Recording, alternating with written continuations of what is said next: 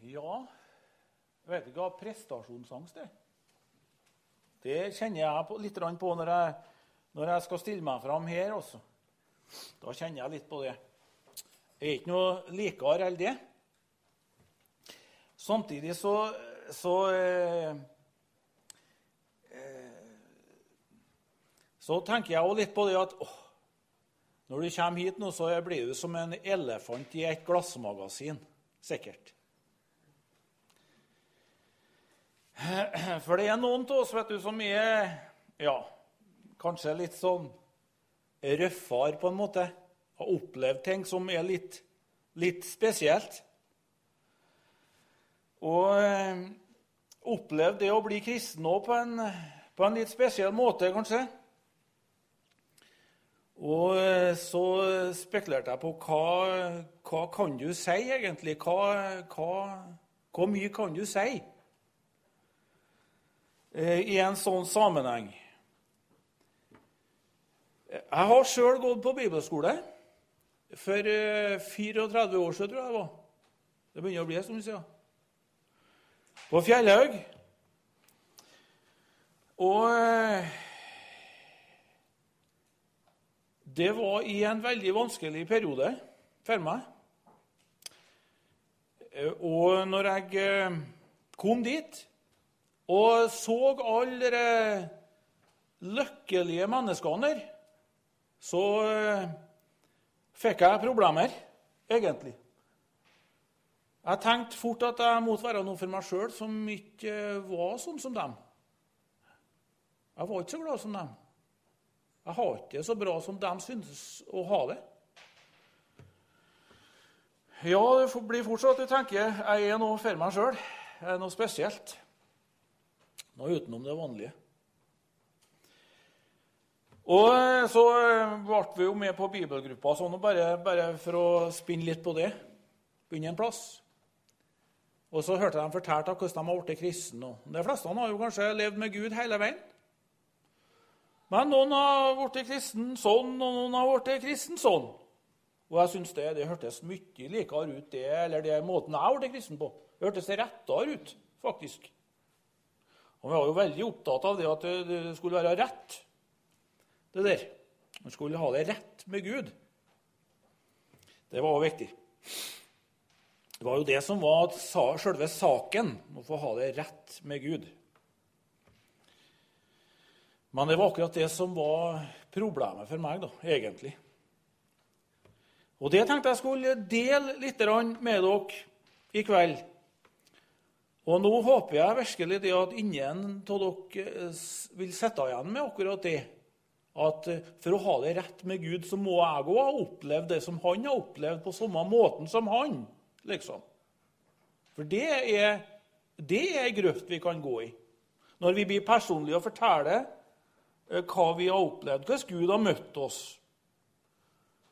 Gud møter oss helt forskjellig, som vi òg fikk høre i timen i dag om en Abraham. Eh, Gud møtte han på en spesiell måte. Men eh, kanskje det færreste han får se skrifta på veggen. Sånn skitt.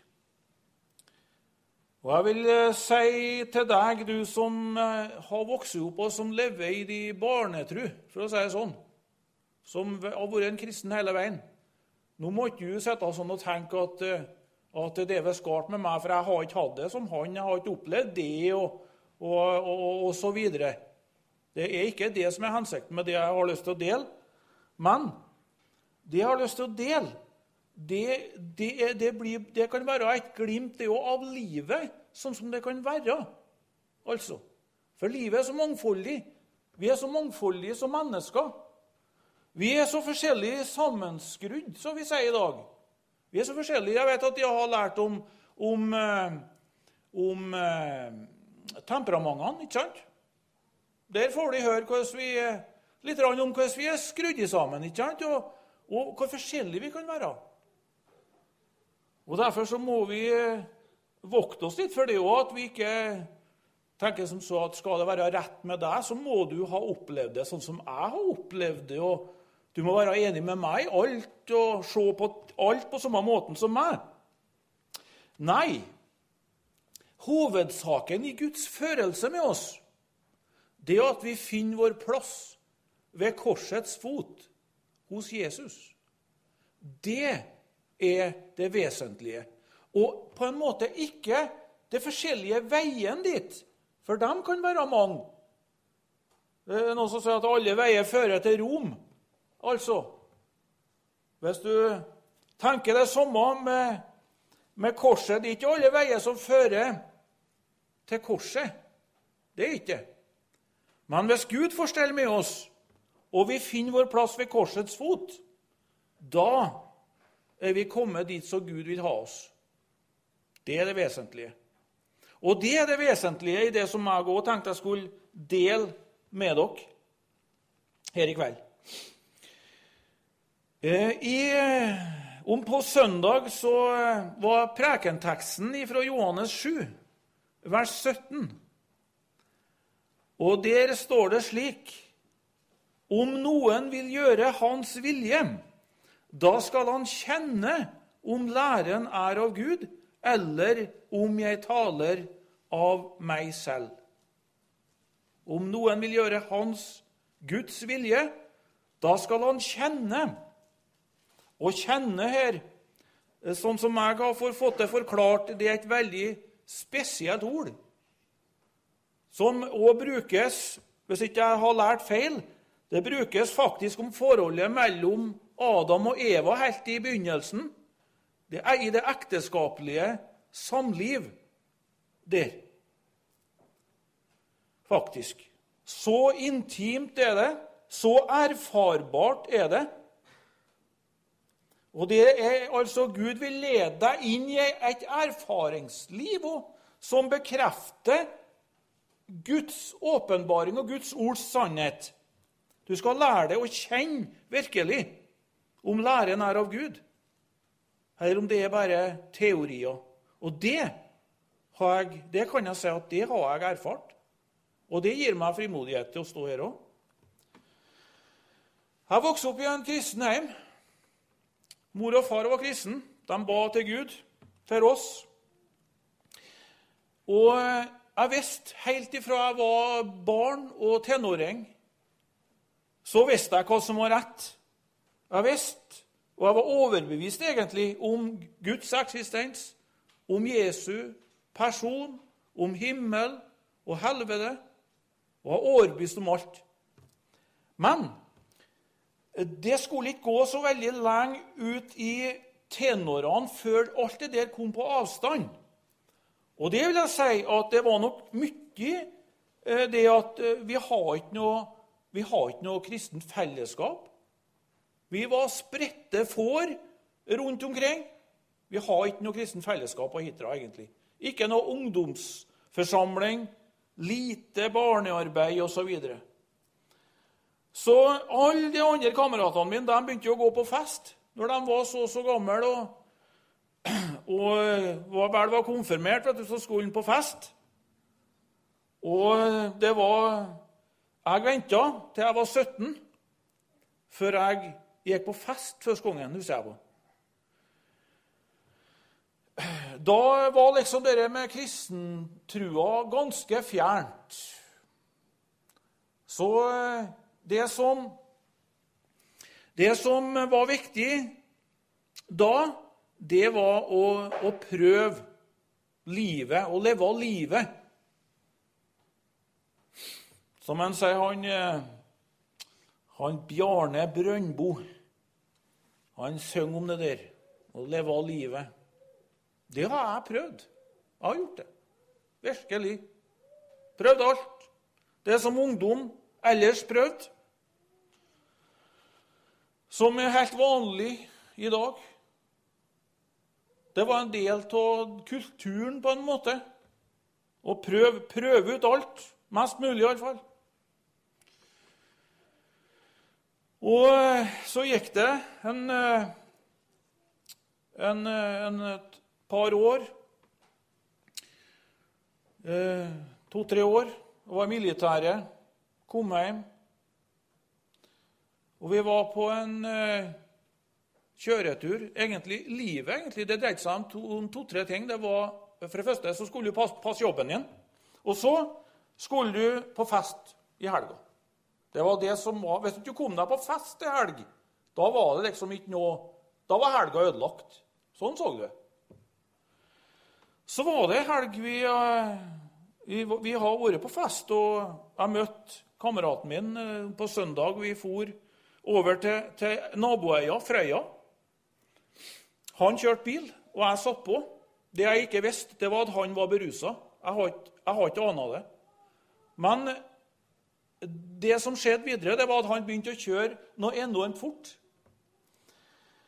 Eh, jeg tenkte ikke noe videre over det. Det var ganske vanlig det med råkjøring. Det var lite politikontroller ute i øyene så det var bare å gi gassen i bunnen, det. Ja, ja. Men så traff vi på en av samme sorten, vet du, og så ble vi altså, vi ble liggende si om si, faktisk. I, i kanskje 120-30 km i timen. Og han ville ikke slakte ned og slippe oss forbi. Og så kom det en venstresving. Og så var det gatelys lenger fram. Og der kommer det en imot oss med nedlys, og vi ser den så altfor sent. Og du, du begynner ikke å tenke før det smeller. Du så bare nå. Nå smeller. Så det var front mot front i ja, Iallfall i 80 km i timen. Det er noe helt sikkert.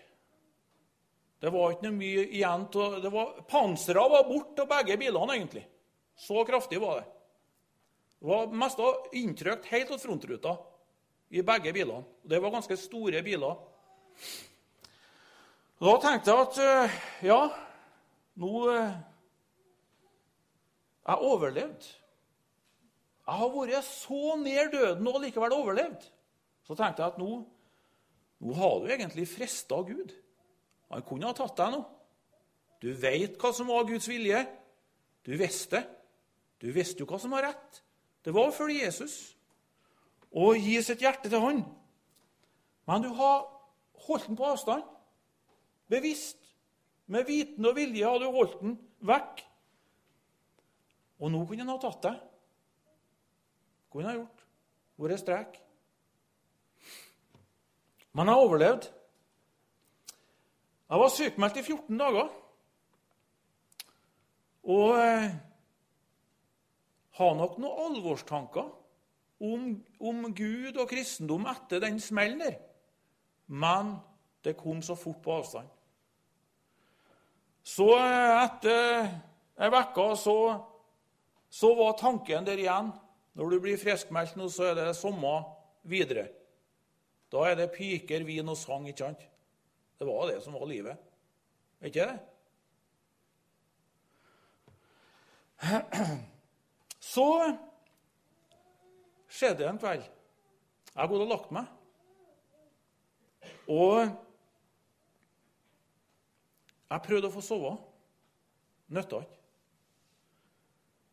Og så begynner jeg å merke ei kolossal kraft inni rommet der er. Ei veldig, veldig, ei veldig uro. Veldig uro. Og, og, og en, en, dragelse, på en måte. En veldig dragelse på hjertet etter å søke Gud. Jeg følte at det var, det var på en måte ei, ei, ei kraft altså, som, som, tok tak i hjertet mitt og ville ordentlig dra det ut, ut av kroppen og inn til Gud. Og jeg må si at jeg ble, jeg ble redd, egentlig. For jeg visste Jeg har opplevd det flere ganger opp gjennom tenåra at Gud har kalt på meg. Jeg visste at Gud kalte. Opplevde det så konkret og erfarbart. Og så tenkte jeg at eh, nei, nå er han her igjen. Jeg har ikke lyst. Jeg vil ikke bli en kristen. Jeg vil eh, styre skuta mi sjøl.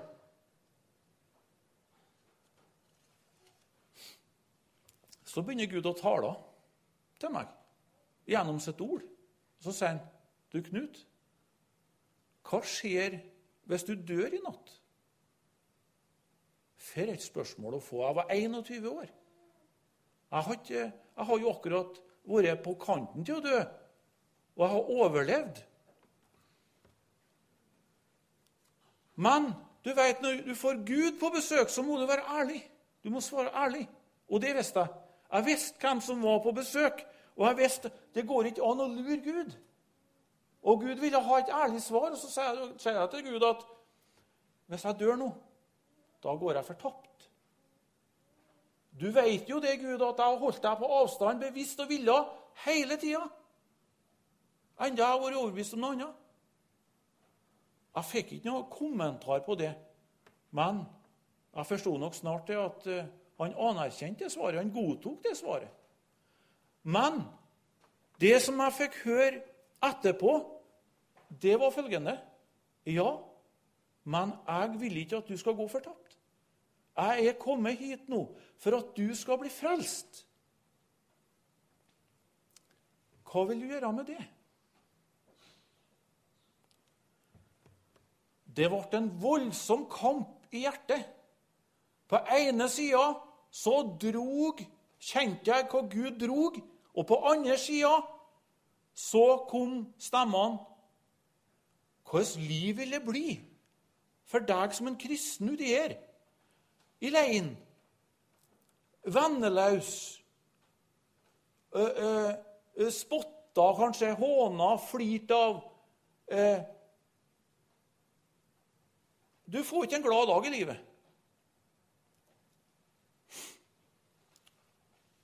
Så taler den andre stemmen og sier, 'Ja, venner er greit. Venner kan være gode å ha. Helt, de kan være dine venner, men en dag så står du, så vil de stå på kanten av grava di. Og så vil de se kanskje ned på kista og de vil ikke være i stand til å gjøre noe for deg. Annet enn uttrykke kondolanser til familien. Det kan venner gjøre. Det kan Det er vennene som du har nå, ja, vel å merke, sa Gud. Men, sa han, nå er jeg her. Jeg vil være din venn. Og jeg kan hjelpe deg igjennom jeg vil ikke være bare med deg til gravkanten. Jeg kan hjelpe deg igjennom og inn i evigheten og berge din sjel for himmelen i all evighet.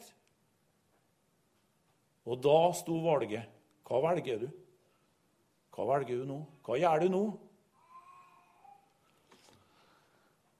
Og da skjønte jeg at da sto jeg på et valg som har konsekvenser for all evighet. Der og da skulle det bli bestemt hvor jeg skulle tilbringe evigheten. For et valg!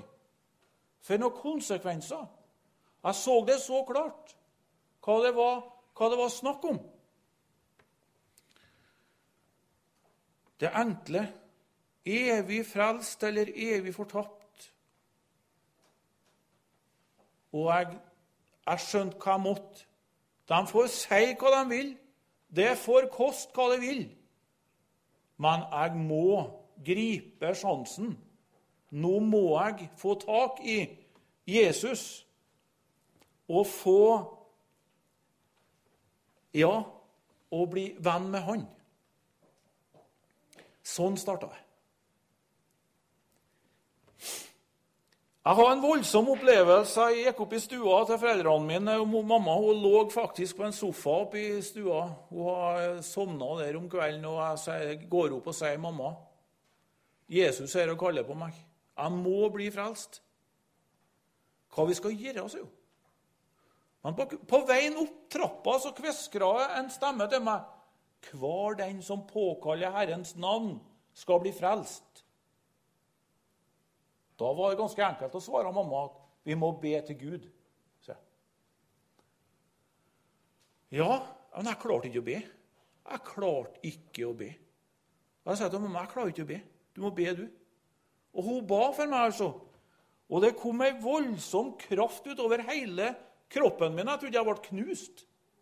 Jeg trodde, legemet var knust. Det var ei sånn voldsom kraft. Det var akkurat som en, en kjempe hadde tatt rundt meg sånn, og så bare klemme til. Ja.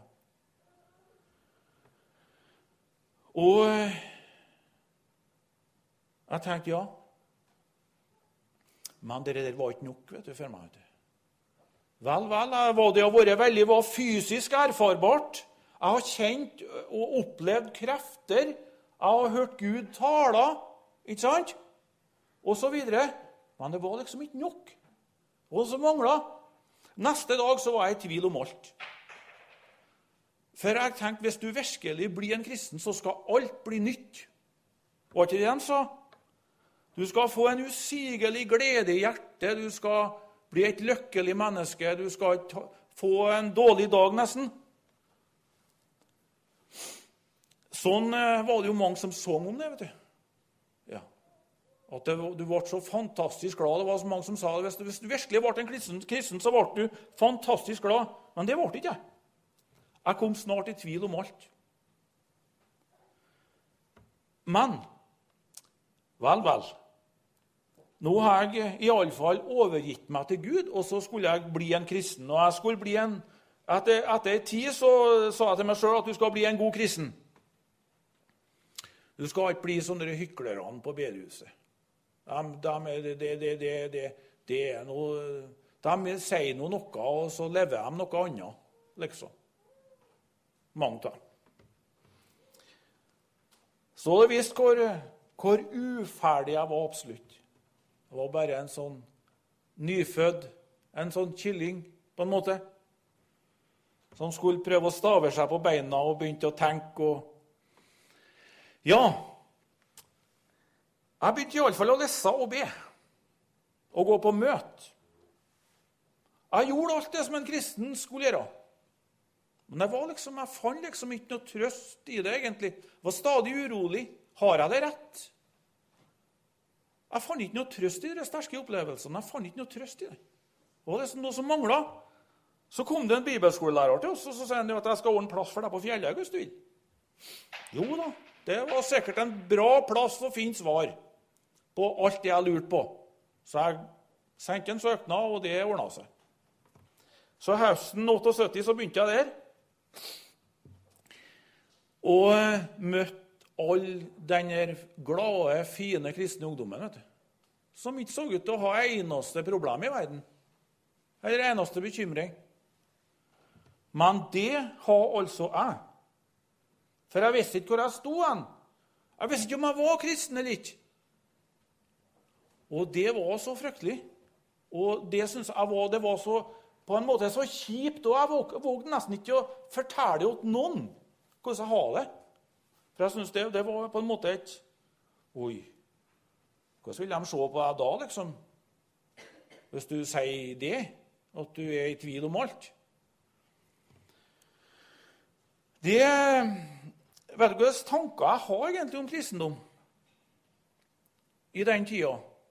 Jeg har en sånn oppfatning av kristendom, viste det seg, at Jesus han har på en måte gjort 80% la oss si det, da. Men for at det skulle virkelig komme i orden, så var det noe eh, Jeg måtte gjøre iallfall 20 ja, la oss si det. Og så skulle himmelen og frelsen og alt godt bli mitt. Jesus har gjort sitt, og jeg må gjøre mitt. Sånn tenkte jeg. Og du verden hvor jeg fokuserte på det som jeg skulle gjøre. Det var det som var viktig. Og, og, og vet du, jeg var med, jeg var med og, Det var ikke å tro vet du, hvor folk fikk meg med på den tida for, å, for på en måte å tekkes Gud og gjøre Gud til laks. Jo, jeg var med på, på evangelisering, og jeg gikk på alle møter som fantes i området der. Jeg var nok den mest trofaste i misjonssalen i den tida, tror jeg. Og hva var det ikke jeg gjorde? Jeg gjorde alt det som en sann kristen skulle gjøre. Og allikevel jeg fant ikke fred. Det var liksom noe som, som mangla. Til slutt så begynte jeg virkelig å tvile på at det gikk an for meg. Og ikke bare det, vet du, men det var synd òg, vet du. Du lærte jo etter hvert at det var, det var noe som var synd. Og det var, ikke, det var, ikke, det gamle livet som jeg levde, men problemet var her. Det var inni her. Altså. Og det var at, at, at, at synda skulle være så kjær som hun var. For jeg tenkte jo det at en kristen skal bli bedre og bedre dag for dag. Ja, ja, ja. Og lite problem med synd og fristelser, det, nei, det er noe som kanskje kan komme av og til, men til meg så kom det veldig mye. Hele tida, faktisk. Kjempa med nebb og klør. Og loven, vet du, Guds krav og bud, sa du, du Ja, men dere skal, sånn skal ikke være. Sånn skal ikke være det. Jo, men det var jo sånn jeg hadde det. Ja, men du må, du må kjempe imot. Ja. Dess mer jeg kjempa imot, dess større ble fristelsen, og, og så falt jeg. Alt mulig slags elendighet som eh, Jeg kunne godt ha satt navn på det, men det skal jeg ikke gjøre. Det er så mye heslig. Elendig, egentlig. Så til slutt så tenkte jeg nei, det går ikke an for deg. Det går ikke an for slike som deg. Du klarer ikke å holde skjema. Du klarer ikke å holde styr på det der som du har gitt deg inn på. Du makter ikke. Og vet du, jeg, jeg, ga opp så grundig til slutt at jeg tenkte nei, du kommer til å gå fortapt uansett. Det er ikke noe håp for sånne som deg. Gud vil ha bra folk som får det til med sin kristendom, men ikke deg. Så enden på visa det var at en kveld så pakka jeg alle mine saker, og så rømte jeg fra Fjellhaug. Da har jeg vært her i sju måneder. Da rømte jeg. Tok toget hjem til Trondheim, for ut på Dolmøya, fant den beste kameraten min fra før. Og så fant vi til spritflaska. Og så har vi en stor fest der vi prøver å glemme alt det der som har med Gud og kristendom å gjøre. Ja.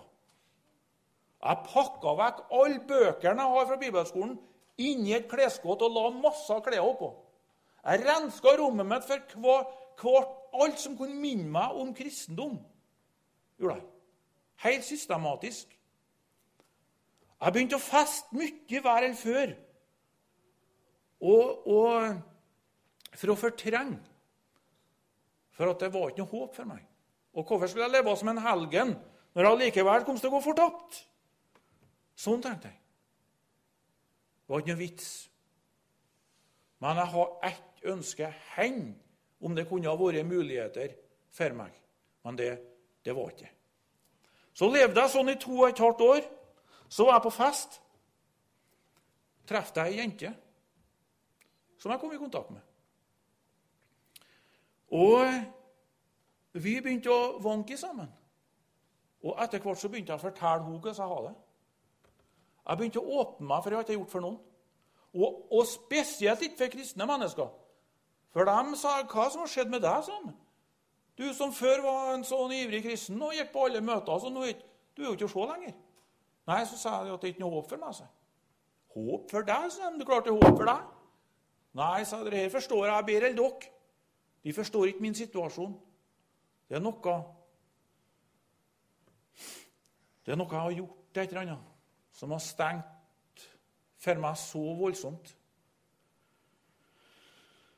Så eh, jeg begynte å åpne meg for den jenta der, og jeg fortalte henne til slutt alt jeg opplevde å være igjennom. Og Så sa hun at 'Jeg tror du tar feil', så. 'Jeg tror det er håp for deg'. Jeg klarer ikke å tro det, sier Det er ikke noe jeg heller vil tro, men jeg klarer ikke å tro det. Jeg, så sa jeg skal tro for deg', sa hun. Det var fantastisk. Tro for meg. Enn hvis jeg kunne hatt noen som trodde for meg? Hvor fantastisk! Jeg som ikke fikk det til å tro. Her hvis jeg kunne hatt noen som trodde for meg? Da har jeg vært død Jeg har levd som en levende død i to og et halvt år. Jeg var helt død innvendig. Og etter, etter, etter hvert som, som, jeg har blitt kjent med forskjellige ting, så, så vet jeg det at jeg har levd i en voldsomt stor sorgreaksjon over at jeg har mista det som virkelig var verdt noe i livet. Og det var det å få leve livet sammen med Jesus. at det skulle være umulig for meg, det var, det var min største sorg. Det er masse jeg kunne ha fortalt, men jeg var fullstendig knust. Og alt jeg har lært på bibelskolen på Fjellhaug, det var i mitt hjerte hver dag på en måte, iallfall dommen. Det ord som dømte meg. Det var iallfall hjertet åpent for. Så Men etter hel natts samtale i en bil så har jeg oppgjort det med meg sjøl at du har tatt feil, Knut. Det er håp for deg. Ja, men jeg er jo på null. Alle områder i kristenlivet, det som er såkalt er et kristenliv, da, hvis du kan kalle det for det For det var det jo ikke lenger heller. Men det, var alle punktene var det på null. La oss si det fra en skala fra null til ti. Ikke sant? Så var det på null på alt. Jeg har ingenting. Jeg var som en død mann i forhold til Guds krav og Guds vilje og, og alt det som, som ikke Vil noen gjøre Hans vilje? Det var jo det jeg har prøvd. Og jeg makta det ikke. Det var ikke bare at jeg hadde det galt, men jeg hadde det galt på en gal måte, som han sa, en på Fjellhaug. Er det håp for den som bare har alt på null? Er det håp for den som er konkurs? For det var jeg. Og Nå har jeg opplevd det virkelig. Jeg har erfart det i mitt hjerte. Jeg var konkurs. Jeg har prøvd å gjøre Guds vilje. Og nå kjente jeg det virkelig av erfaring. Så det som Jesus sier lenger ned her Har ikke Moses gitt dere loven, og ingen av dere holder loven? Sen. Akkurat. Her var det en av dem. Vil Gud ta imot? Vil Jesus ha den som alt er galt med? som alt har skåret seg for. Fullstendig. Ja. Vet du, det jeg fikk oppleve den morgenen klokka sju på jobben, det var nettopp det. Da opplevde jeg virkelig å få et nytt møte med Jesus. Der livet på en måte kom inn i meg, altså.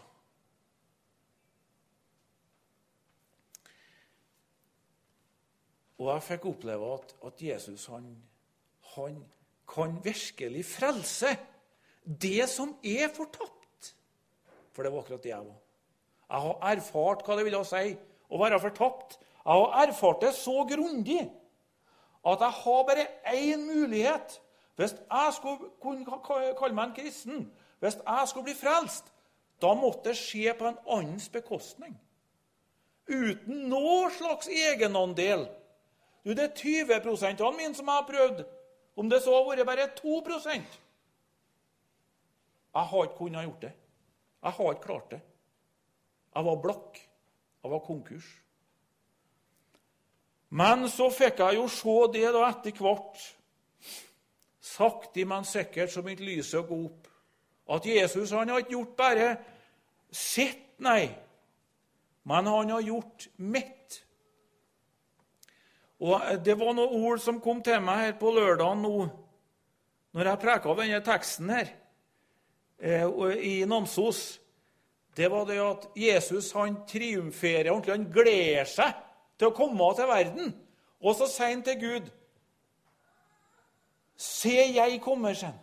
I bokrullen er det skrevet om meg for å gjøre Gud din vilje. Jeg skal gjøre det, sen. Jeg skal gjøre det. Jeg skal gjøre alt. Jeg skal gjøre det som du skulle ha gjort, men ikke klare. Wow, det er fantastisk. For når, når han kommer til meg og sier det at du, Knut, jeg vet hvordan det er med deg. Jeg vet hvordan det er i dag. Kjenner deg ut og inn. Men du skal vite det. Fordi at du er slik som du er, for at du ikke makter det her, så var det at jeg kom til verden for å gjøre Guds vilje i ditt sted som din stedfortreder. Jeg har gjort det, Knut. Jeg har gjort det, akkurat sånn som vi sang her. Det er alt er ferdig. Jeg skal ikke gjøre, men bare hvile i det du har sagt. Da kjente jeg Nå, nå her kan jeg hvile. Nå endelig kan jeg få slappe av. Endelig så kunne jeg få hvile i det fullbrakte verk som Jesus har gjort. Han krevde ikke noe egenandel, du. Han betalte hele regninga. Og så sier han det er ditt alt. Alt det jeg har, det er ditt. Du har nok for tid og evighet. Amen. Herre Jesus Kristus, takk for uh, du skulle få lov å dele det dette. Kanskje kunne få betydning for noen. Det, det er ikke alle oss som har det så lett, Jesus, og som kommer så lett til ting. Så behandler du oss forskjellig, Jesus, men som sagt, det vesentlige er at du steller med oss slik at vi finner vår plass ved korsets fot, at vi finner vår trøst i det du har gjort, Jesus. Ikke i våre åndelige opplevelser heller, eller vår, vår Guds måte å stelle med oss på, eller noe sånt. For det, frelsen ligger ikke i det, Jesus. I våre åndelige opplevelser og erfaringer eller noe. Den ligger i det du har gjort. Utelukkende i det så takker jeg for at du kunne frelse røveren, som virkelig ikke har noen verdens ting annet enn synd. Så kunne han få komme inn på det du gjorde, Jesus. Så totalt uforskyldt. Og Sånn er det med meg og Jesus. Jeg må, jeg må ha det slik, jeg òg. Og slik har du ordna det for meg. For du kom for å søke og frelse det som er fortapt.